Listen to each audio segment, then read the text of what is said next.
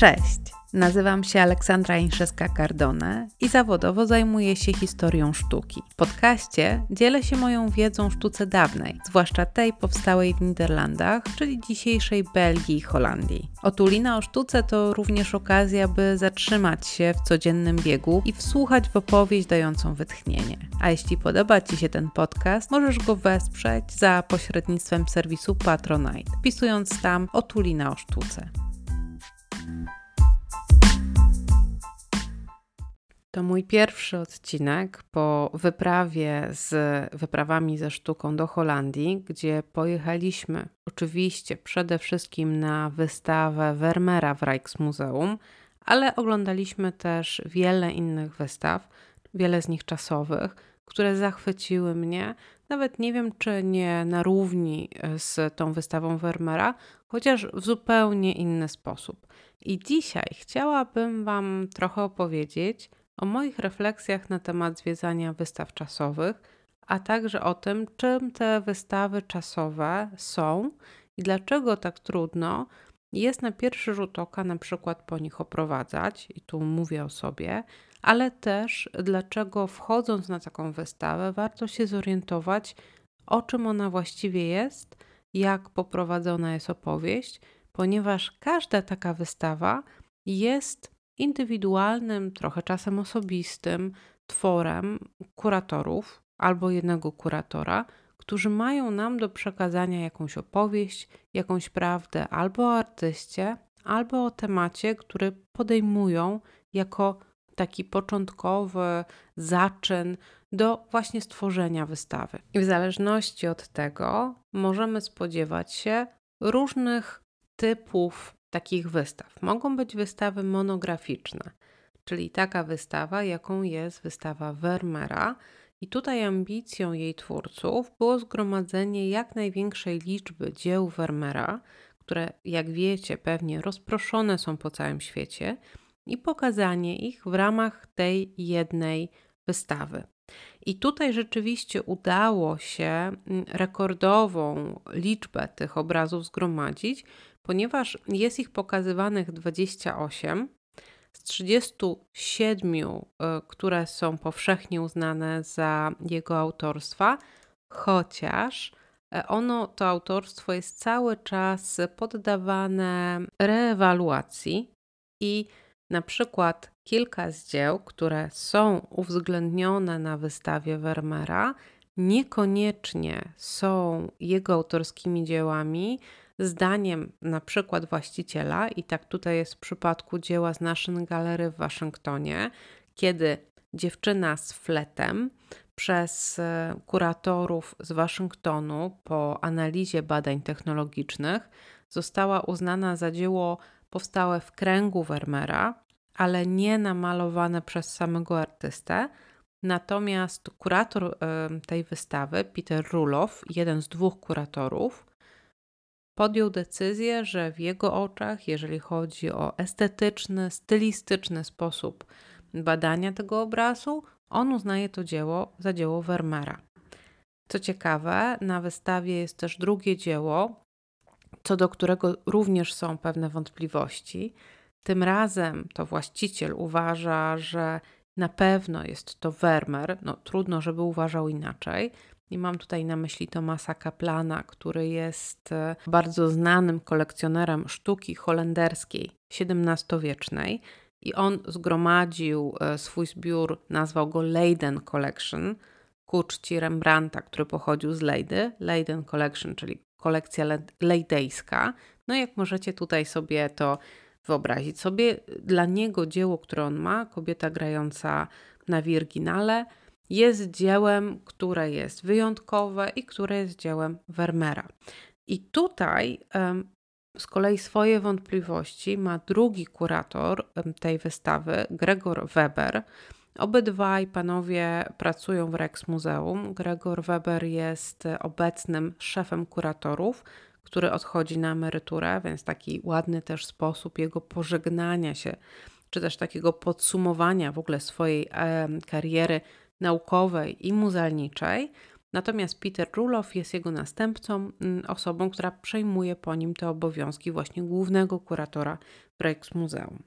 I tutaj Gregor Weber ma z kolei swoje wątpliwości, czy rzeczywiście ta dziewczyna przy Wirginale z lejdejskiej kolekcji, czy ona jest dziełem Vermeera, czy przypadkiem e, ze względów tutaj estetycznych, sposobu wykonania, myślenia w ogóle o tym, jak skonstruowana jest ta kompozycja, że raczej wygląda to na pracę może trochę bardziej wtórną i właśnie wykonaną przez artystę związanego z Vermeerem, ale niekoniecznie przez niego samego. Natomiast no, tutaj to są te zdania, które przesądzają e, takie bardzo indywidualne o tym, co znajduje się w podpisie przy obrazie. I tutaj nie zdradzę Wam też pewnie tajemnicy jakiejś bardzo sekretnej, że to jest bardzo subiektywne momentami. To znaczy, jeżeli nie mamy podpisu pod obrazem, sygnatury tak zwanej, czasami ona może być w ogóle podrobiona, więc tym bardziej to zaufanie wobec sygnatur jest dosyć ograniczone, ale przeważa intuicja, oko badacza. I dlatego niektóre obrazy są uznawane właśnie albo za dzieła danego artysty, albo nie. No, zwłaszcza te, w których brakuje podpisu, a styl jest mm, ewidentnie już w którąś stronę właśnie jakiegoś wielkiego mistrza, ale są cały czas jakieś wątpliwości. I trzecim dziełem, które jest na wystawie w Rijksmuseum, które budzi właśnie takie wątpliwości, to już od dawna jest Święta Prakseda, bardzo wczesne dzieło Vermeera, które no, po prostu nie wygląda jak Vermeer w oczach badaczy. Natomiast to jest dzieło z tak wczesnego okresu, że też trudno mówić o jakimś już sprecyzowanym stylu artysty, w związku z czym e, sytuacja jest analogiczna do tej, którą Wam opisuję. To znaczy, jedni badacze twórczości Vermeera uważają, że tak, to jest wczesne dzieło Vermeera, który był wówczas poszukującym artystą i szukał inspiracji sztuką włoską, a inni badacze mówią nie. To jest jakiś naśladowca, to jest ktoś, kto po prostu tworzył w podobnym stylu, ale to nie może być Vermeer. Odpowiedzi na próżno szukać takiej jednoznacznej. Na wystawie to dzieło jest pośród y, uznanych za dzieła Vermeera. I prawda jest taka, że wszystkie obrazy, które są na wystawie w Rijksmuseum, są podpisane jako dzieła autorstwa Vermeera. I można powiedzieć, że na tym mniej więcej polega tworzenie wystawy monograficznej, to znaczy prezentujemy twórczość jednego artysty. Taka wystawa mogłaby być też poszerzona, to znaczy oprócz dzieł Vermeera znaleźlibyśmy dzieła artystów z nim związanych, tworzących równolegle z nim w tym samym czasie, takich, którzy mogą mieć na niego wpływ, albo właśnie tego wpływu zupełnie u nich nie widać, pokazując szerszy kontekst. Autorom wystawy w Rijksmuseum zależało na pokazaniu po prostu twórczości Vermeera. Bardzo szanuję ich za tą decyzję, ponieważ kładło to na nich dużo większe zobowiązanie. To znaczy, po pierwsze, musieli zdobyć najwięcej Vermeerów, jak się da. Po drugie, musieli zbudować opowieść tak, ażeby widz nie czuł się znużony, nie czuł się trochę zagubiony albo przytłoczony monotonnością, która mogłaby być związana czy też wynikać z tego, że oglądamy dzieła jednego artysty. I tutaj objawia nam się wielkość Vermeera, ponieważ jest to malarz naprawdę niezwykły. I ja przyznam się szczerze, że jechałam do Amsterdamu z mieszanymi odczuciami, ponieważ ta wystawa ma tak świetną reklamę i promocję, że nie, nie byłam pewna, czy ona nie jest na wyrost i czy to, co zobaczymy tam, wchodząc na tą wystawę, i czy w ogóle uda nam się zobaczyć obrazy, i czy to y, wywrze na mnie takie wrażenie, które we mnie zostanie.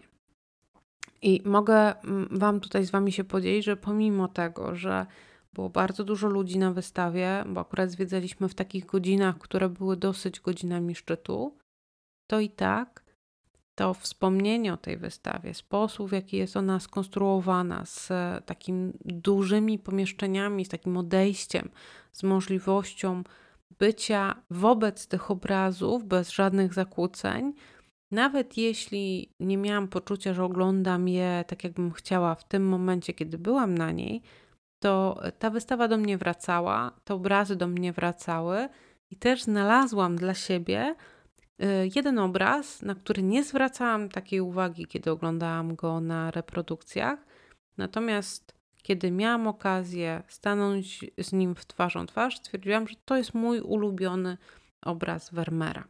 Do samego Vermeera i tej wystawy jeszcze wrócę teraz w tej naszej opowieści, ale chciałabym Wam jeszcze przedstawić, jakie są inne możliwości właśnie wystaw czasowych i też takich wyzwań, które dla nas jako widzów na przykład mogą się wiązać z pójściem na taką wystawę, bo jeżeli idziemy na monograficzną, to przynajmniej wiemy, czego się spodziewać. Spodziewamy się przekrojowej opowieści o twórczości artysty, który jest poddany właśnie takiej ekspozycji e, jego dzieł, tej wystawy czasowej. Ale możemy mieć też wystawy problematyczne, i wtedy musimy dużo bardziej, tak sobie myślę, że dużo bardziej przygotować się poprzez czytanie na przykład e, opisów na ścianach. Nie wszyscy to lubią. Ja na przykład jestem zwolenniczką takich e, bardzo esencjonalnych, ale jednak napisów wprowadzających i podpisów do obrazów. W moim odczuciu to nie pozostawia nas w niedosycie i nie pozostawia nas zagubionymi.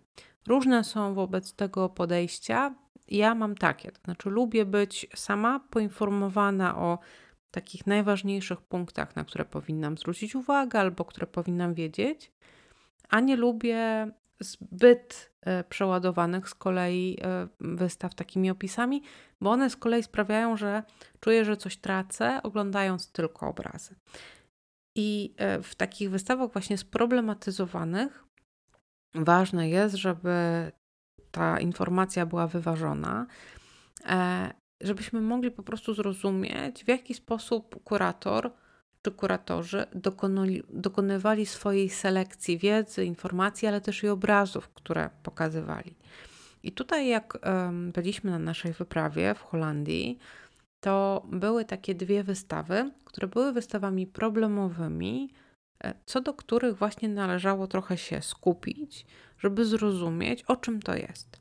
I jedna z nich jest w Lejdzie, w Muzeum Lakenhall, poświęcona jednemu obrazowi, tak naprawdę, Davida Bailey, który był artystą pochodzącym właśnie z Lejdy. Nie jest to artysta wybitnie znany, więc tutaj nie martwcie się, jeżeli słyszycie to nazwisko po raz pierwszy.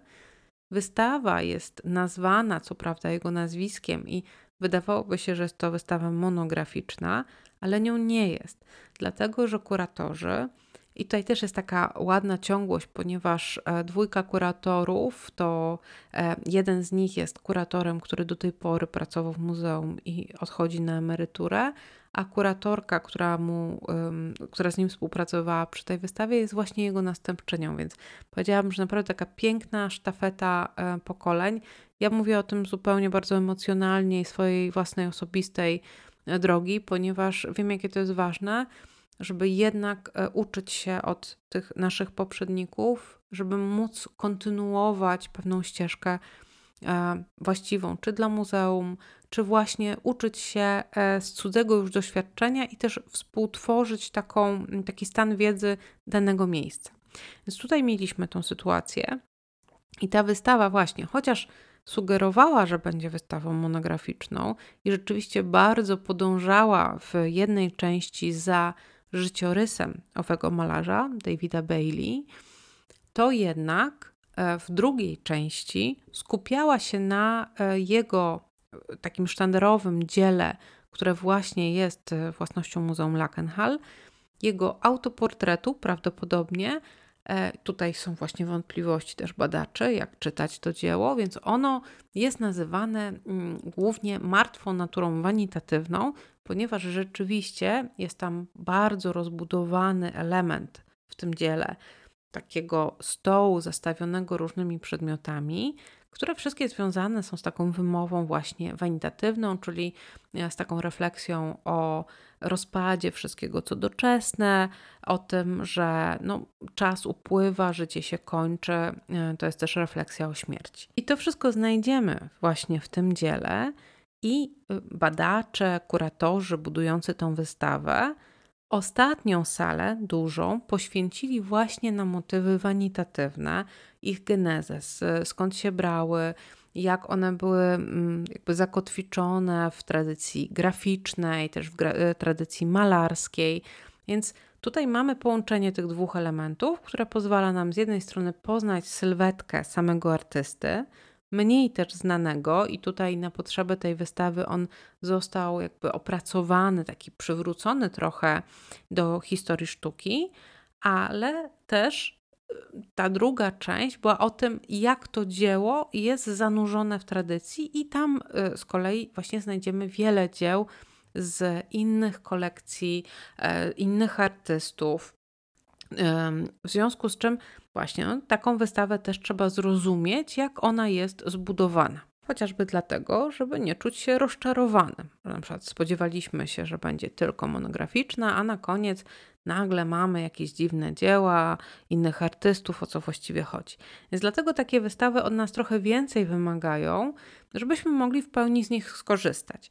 Tutaj taka ciekawostka, że na tej wystawie były dwa dzieła z polskich kolekcji, co zawsze bardzo cieszy. Jedno to był portret Janusza Radziwiła, wspaniały, z Muzeum Narodowego we Wrocławiu, namalowany właśnie przez Davida Bailey ale drugi, już nie związany z tym artystą, ale właśnie ukazujący taką martwą naturę, pochodził z Muzeum Narodowego w Gdańsku, namalowany przez artystę holenderskiego, które nazwisko jest bardzo dla mnie trudne do wymówienia, ponieważ nazywał się Simon Luttyhuis.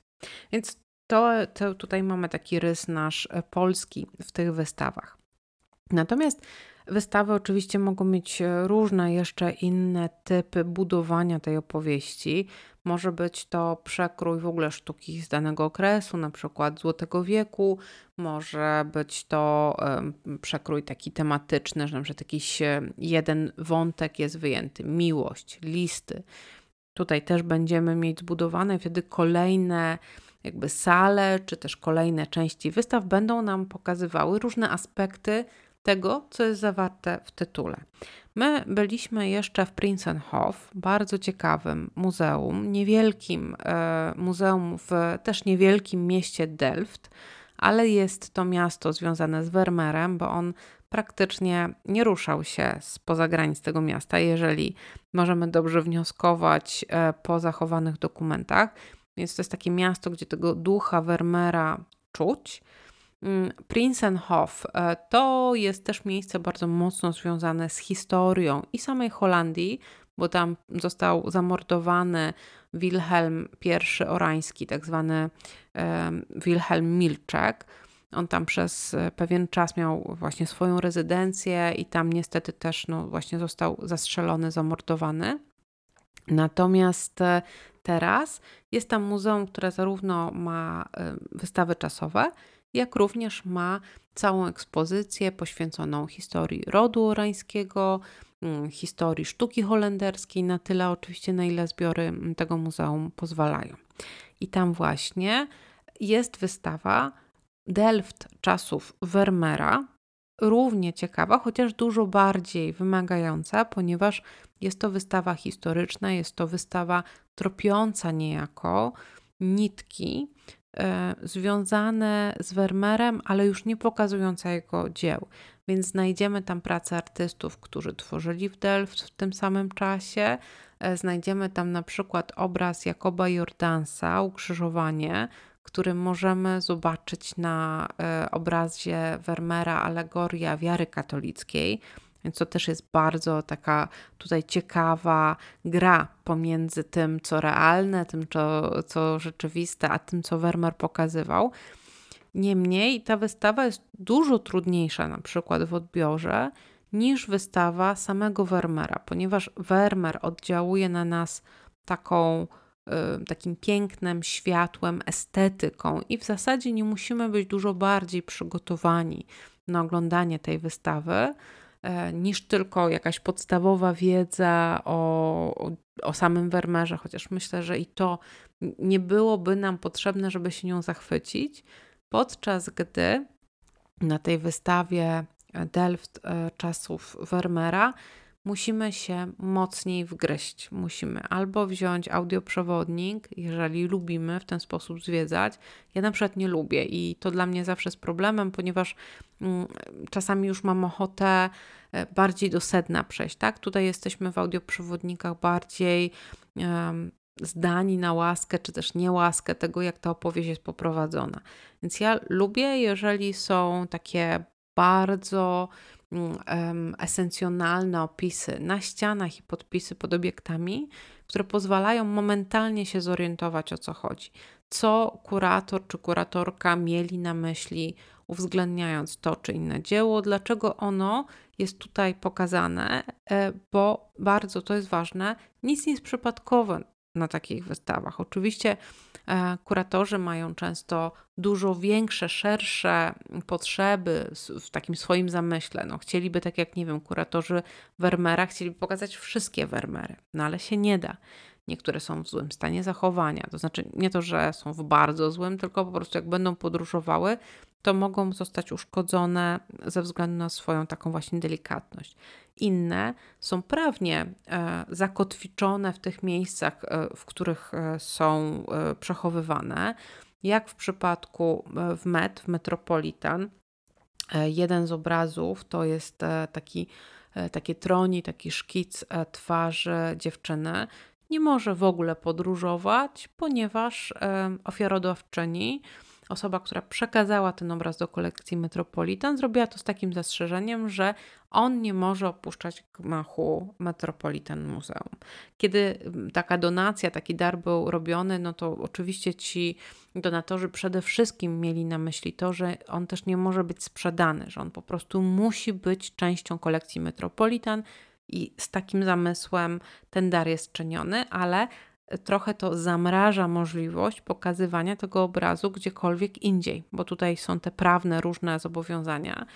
E, podobnie jest z kolekcją e, z Nowego Jorku, również Freak Collection, gdzie założyciel tej e, kolekcji ta, zrobił to samo zastrzeżenie, że wszystkie obrazy, które są z jego kolekcji, mm, nie mogą w ogóle podróżować, w ogóle nie mogą opuszczać budynku. I tak też było. Niemniej, w kilka lat temu rozpoczęła się przebudowa, rozbudowa, remont e, właśnie gmachu owej kolekcji Freak. No i siłą rzeczy wszystkie dzieła musiały opuścić e, gmach, ten taki podstawowy, i przejechać do siedziby tymczasowej. I tutaj kuratorzy, no i dyrekcja tego muzeum wpadli na taki świetny pomysł, że to jest okazja, żeby te dzieła mogły podróżować, żeby mogły wyjechać z, z Nowego Jorku.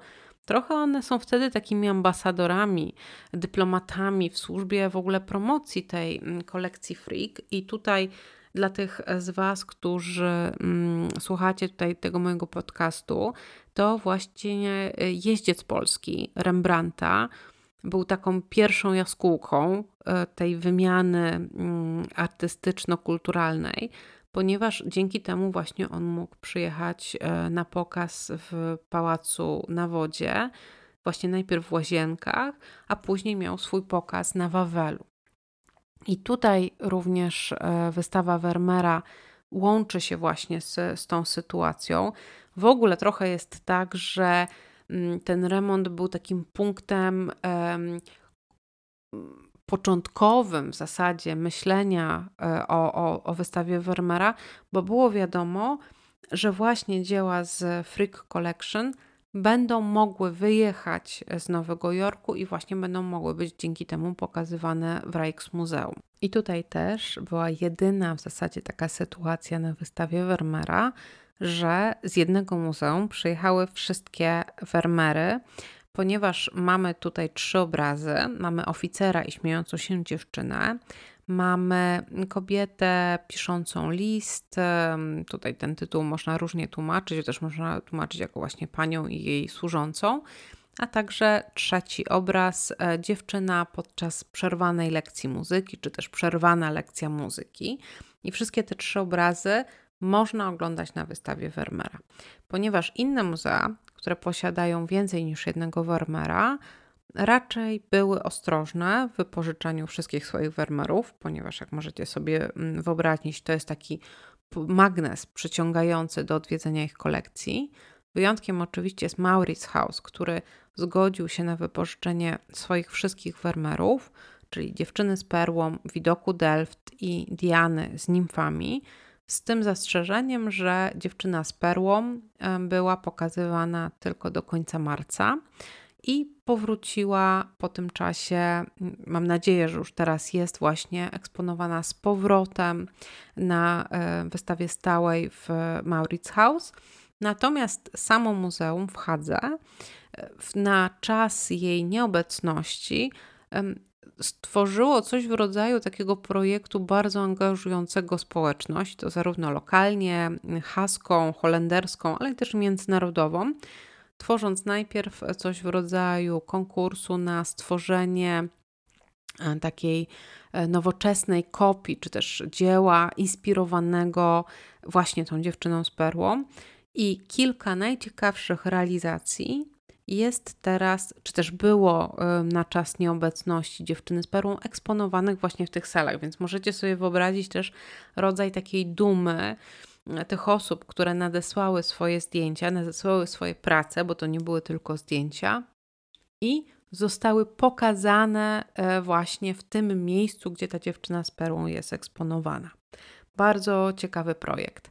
I tutaj mm, tak cały czas krążę wokół tej wystawy Vermeera, ale też pokazując Wam, jak te wystawy mogą być różnorodnie tworzone i dlaczego wcale nie jest prosto, wchodząc na taką wystawę, od razu wiedzieć, e, czego się spodziewać, e, co tam jest i też jak to jest opowiedziane. Bo ja myślę, że tutaj w tych wystawach to jest najważniejsze, jak coś jest opowiedziane, żebyśmy mogli też zrozumieć więcej, wynieść z tego jakąś wiedzę dla samych siebie. I nie zrozumcie mnie źle, tu nie chodzi o to, żeby wiedzieć od razu wszystko i później opowiedzieć komuś, jakby jak z, jak z jakiejś lekcji wyniesione wszystkie najważniejsze informacje, tylko żeby coś dla siebie zrozumieć, z czymś wyjść. I tutaj dla mnie niewątpliwie to Delft czasów Vermeera to jest taka wystawa, do której ja jeszcze sobie będę wracać. E, będę ją sobie jeszcze podczytywać, ponieważ kupiłam katalog, e, bo mam poczucie, że nie można jej objąć e, na równi wizualnie i intelektualnie, że po prostu to się cały czas gdzieś mi wymyka.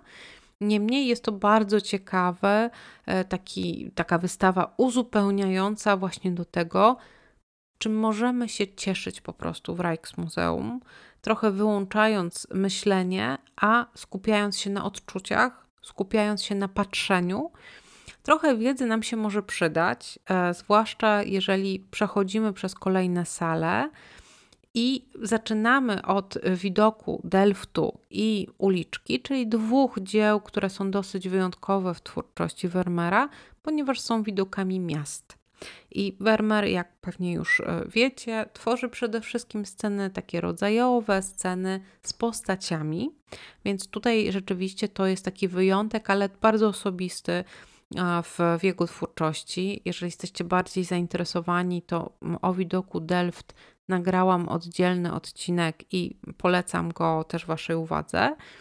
Natomiast dalej ta wystawa jest zbudowana przez moment chronologicznie, ale to nie jest proste, ponieważ oprócz kilku dzieł Vermeera, które są datowane, pozostałe nie mamy wiedzy, nie, nie mamy jakby żadnych odniesień do tego, jak one konkretnie układają się w czasie. Oczywiście badacze mają swoje e, pomysły i stąd też biorą się daty przy tych obrazach, ale pierwsza sala, to znaczy druga sala w zasadzie, jest o tyle e, niezwykle ciekawa, że są to wczesne dzieła Vermeera, gdzie on podejmuje wszystkie te tematy, które były popularne w czasie, kiedy on um, zaczynał tą swoją twórczość, kiedy no, wstępował niejako na ścieżkę takiej już kariery samodzielnej, e, ale to nie są tematy, które on będzie później w ogóle podejmował.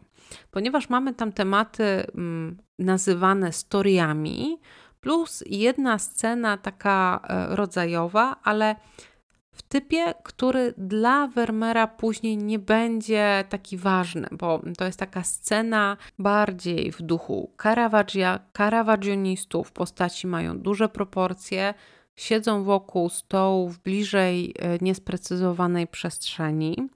To jest scena u Rajfurki, tak to należałoby pewnie tłumaczyć. I ten temat choć popularny w twórczości artystów podążających za Caravaggiam, artystą e, rzymskim z początku XVII wieku, to dla Vermeera później zupełnie nieistotnym, przetworzonym, bo taki motyw trochę będzie się pojawiał, kiedy zobaczymy dziewczynę w towarzystwie mężczyzny bądź dwóch mężczyzn, ale klimat jest już zupełnie inny, wymowa też nie jest tak jednoznaczna. No i przede wszystkim e, zakomponowanie, proporcje zupełnie inne niż właśnie te pierwsze. Te pierwsze są bardzo monumentalne. Tak jak wspominałam, tam są te tematy tak zwane storie, czyli e, wywodzące się z Biblii. I tutaj mamy Chrystusa w domu Marii i Marty. Mamy scenę mitologiczną, wspomnianą już Dianę z nimfami. Mamy też świętą Praksedę, w ogóle temat bardzo nietypowy e, w Holandii, która była krajem protestanckim, gdzie święci w ogóle nie istnieli. To znaczy, w, dla protestantów święci to jest taka zupełnie pomyłka um, gdzieś, no to, to, to jest nieistniejące. Więc tym bardziej w sztuce protestanckiej nie będzie takich przedstawień. To jest przedstawienie katolickie. No i tutaj też jest taka wokół tego może się budować refleksja, jak to było, że Vermeer właśnie to taki temat podjął. Ten temat jest bardzo też taki e, italianizujący, czyli taki no, bardziej w stronę sztuki włoskiej. Co więcej, ten obraz e, budził zawsze bardzo wiele wątpliwości, czy jest to dzieło rzeczywiście Vermeera. I mamy taki zestaw właśnie tematów i scen, które, zwłaszcza te mitologiczne i biblijne, które były wysoko cenione, na przykład w pobliskiej Hadze, która była miastem, e, gdzie e, funkcjonował parlament, Stany Generalne Zjednoczonych Prowincji Północnych Niderlandów, gdzie jedną z siedzib miał właśnie dwór stadthaudera, namiestnika orańskiego i tam raczej była taka sztuka wyższa, tak to nazwijmy. No i portrety. Portrety, zdaje się, no nie znamy żadnego dzieła Vermeera, gdzie byłby portret. Mm, chociaż moglibyśmy chcieć tak patrzeć na dziewczynę z perłą, ale ona portretem jako takim nie jest. Natomiast ta sala pokazuje nam, jakie były ambicje, jakie były inspiracje samego Vermeera, po czym przechodzimy do następnej sali, w której jest dziewczyna czytająca list w oknie, ten obraz z Drezna, o którym też nagrałam odcinek i który no, odsłonił e, przed nami taką swoją tajemnicę, czyli ten, e, to przedstawienie Kupidyna, które było zamalowane przez e, wiele dziesięcioleci. No i już wkraczamy wtedy w świat Vermeera, w świat tych kameralnych jego scen, najczęściej zamkniętych w tym samym pomieszczeniu, gdzie po lewej stronie jest okno, z niego wpada światło i zaglądamy do, do czyjegoś domu, do czyjegoś życia. One później oczywiście różnie się um, kształtują, różnie te, te wnętrza mają różną wymowę, też on w różne strony idzie. I tutaj nie będę z Wami całej tej wystawy mm, przechodziła, natomiast też chciałam Wam pokazać, jak to jest zbudowane, ta opowieść. Dalej mamy je pogrupowane, te obrazy raczej pod kątem tego, co kuratorzy, jakie treści z nich wydobywają. Tutaj te nazwy kolejnych działów prowadzą nas niejako, na co bardziej zwracać uwagę jako taki motyw przewodni dzieł. One często są zestawiane w pary. Największym zaskoczeniem dla mnie była dwa dzieła właśnie z naszej galerii w Waszyngtonie. Mm, wspomniana dziewczyna e, z fletem i e, dziewczyna w takim czerwonym kapeluszu, które znałam no tylko z reprodukcji, natomiast wydawało mi się, że one są trochę większych wymiarów. Natomiast one są malutkie, jeszcze zestawione obok w takich dosyć szerokich ramach, robią naprawdę na mnie zrobiły zaskakujące wrażenie. I tutaj tylko, żeby Wam zasygnalizować, jak kuratorzy poprowadzili tą opowieść na Wermarze, to te działy nazywają się na przykład pierwsze wnętrza, właśnie wprowadzając nas w to zagadnienie, czy też listy ze świata. Tutaj te listy to jest oddzielny oczywiście temat. One są często bohaterami właśnie w dziełach e, Vermeera. I my możemy sobie po prostu popatrzeć, jak ten motyw jest zbudowany, jak wokół niego zbudowana jest scena. Czy na przykład mężczyźni z wizytą. No i tutaj e, nie mamy żadnego mm, podanego takiego jakiegoś umoralniającego czy rodzajowego aspektu, zauważcie, tylko takie punkty, które pozwalają nam spojrzeć na obraz mm, pod jakimś kątem. I e, tutaj jeszcze warto, myślę, wspomnieć, myślę, że będę kończyła, bo, bo dzisiaj się rzeczywiście rozgadałam, a mogłabym jeszcze dużo mówić od siebie, ale warto też zauważyć, że takie wystawy są często okazją do przeprowadzenia badań, badań technologicznych nad twórczością artysty i podobnie ma to miejsce właśnie przy okazji Rijksmuseum ponieważ e, najpierw oni przebadali dzieła, które są z ich własnej kolekcji, a też mają kilka tych e, farmerów, odkrywając na przykład, że artysta sam coś planował najpierw, a później to zamalowywał, ale również, że pewne elementy są domalowane i tutaj dzieło z Freak Collection, tak zwana mm, przerwana lekcja muzyki, która w rogu pokoju ma mm, taką mm, klatkę dla ptaków, i to było często częścią interpretacji opowieści o tym obrazie, że to jest właśnie takie uwięzienie, takie jakby najpierw kuszenie tej dziewczyny przez e, mężczyznę e, muzyką, ale że ona właśnie zostanie usidlona, no i jak taki ptak zamknięta w klatce. I okazuje się, że jest to późniejszy dodatek, być może XVIII-wieczny, być może XIX-wieczny, kogoś, kto był pewnie późniejszym właścicielem tego dzieła, i chciał um, nadać mu jeszcze jakby taki głębszy wymiar e, umoralniający. E, po prostu wzmocnić przekaz, który właściciel w tym e, obrazie postrzegał. Więc tutaj też mamy taki dodatkowy, dodatkową wartość dodaną takich wystaw. Na razie z tego, co udało mi się tak dla siebie wydobyć z tego, to to, że Vermeer tworzył o wiele krócej, sam proces malarski zajmował mu o wiele krócej niż wcześniej przypuszczano. Przypuszczano, że on bardzo skrupulatnie malował, już to były na przykład trzy miesiące poświęcone na wykonanie dzieła. Te dzieła nie są za, za dużych rozmiarów, więc ten, to jest sporo czasu. Teraz badacze stwierdzają, że ponieważ on jakby działał, korzystał z konkretnej techniki malarskiej, to, że ona była szybsza, że była dużo krótsza w czasie do, do ukończenia, że raczej z tych trzech miesięcy prędzej możemy zejść do jednego miesiąca, ale że też te jego dzieła są niezwykle malarsko przemyślane i to jest chyba coś, z czym chciałabym Was zostawić, że te dzieła to są takie opowieści o świetle, o kolorze, i też o tym, że on tworzył monumentalne dzieła w bardzo małej skali. I trochę jest tak, że te jego dzieła, chociaż są rodzajowe, one mm, są pozbawione mm, często takiej taniej, e, taniego komizmu, czy jakiejś takiej groteskowości, czy takiego no, dowcipu, który możemy znaleźć w innych dziełach rodzajowych, one są, chociaż czasami też zabawne w niektórych momentach, zwłaszcza kiedy obserwujemy relacje między służącymi a ich paniami.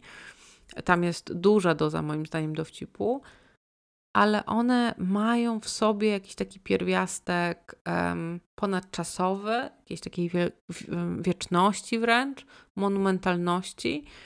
I tutaj właśnie e, to dzieło, o którym Wam wspomniałam, że najbardziej e, jedno dzieło przypadło mi do gustu. I to nie dlatego, że je jakoś zintelektualizowałam, tylko po prostu ono mnie zatrzymało.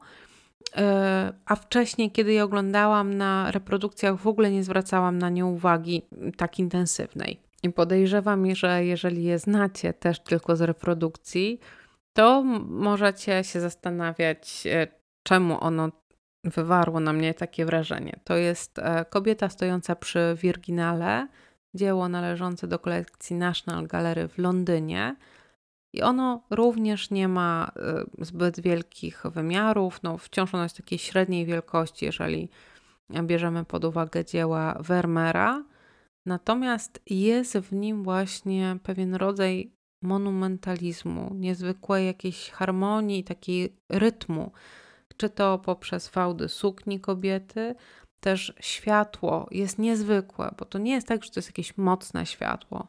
To jest światło, które dopowiada formy, które buduje nastrój, i to jest światło, które jest obecne. E, ono samo jest moim zdaniem takim głównym bohaterem, chyba we wszystkich dziełach Vermeera.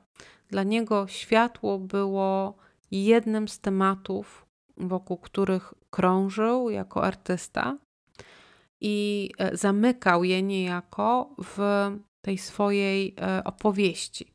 I polecam Wam też oglądać właśnie Vermeera w ten sposób, e, ciesząc się też tym, co on tworzył, a niekoniecznie próbując do końca jakby zrozumieć, czym jest ta opowieść, czy są to sceny rodzajowe, czy jest tam głębszy przekaz bo myślę, że te dzieła przede wszystkim są e, majstersztykami, jeżeli chodzi o budowanie rzeczywistości malarskiej.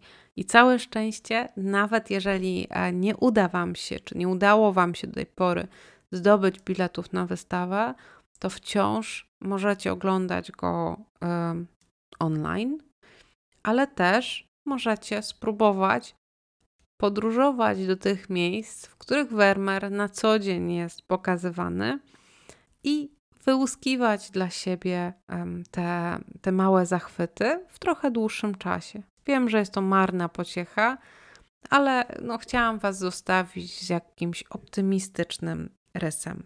A ponieważ nagrywam ten odcinek w czasie wielkanocnym, to też życzę Wam spokojnych świąt i dużo wytchnienia bo mam wrażenie, może to tylko moje indywidualne wrażenie, że ostatnimi czasy jest trochę ciężko, trochę ciemno, trochę zimno, więc życzę Wam, żeby ten czas wielkanocny, czas też wolny od trosk z założenia, przyniósł Wam e, wytchnienie. A my słyszymy się w przyszłym tygodniu.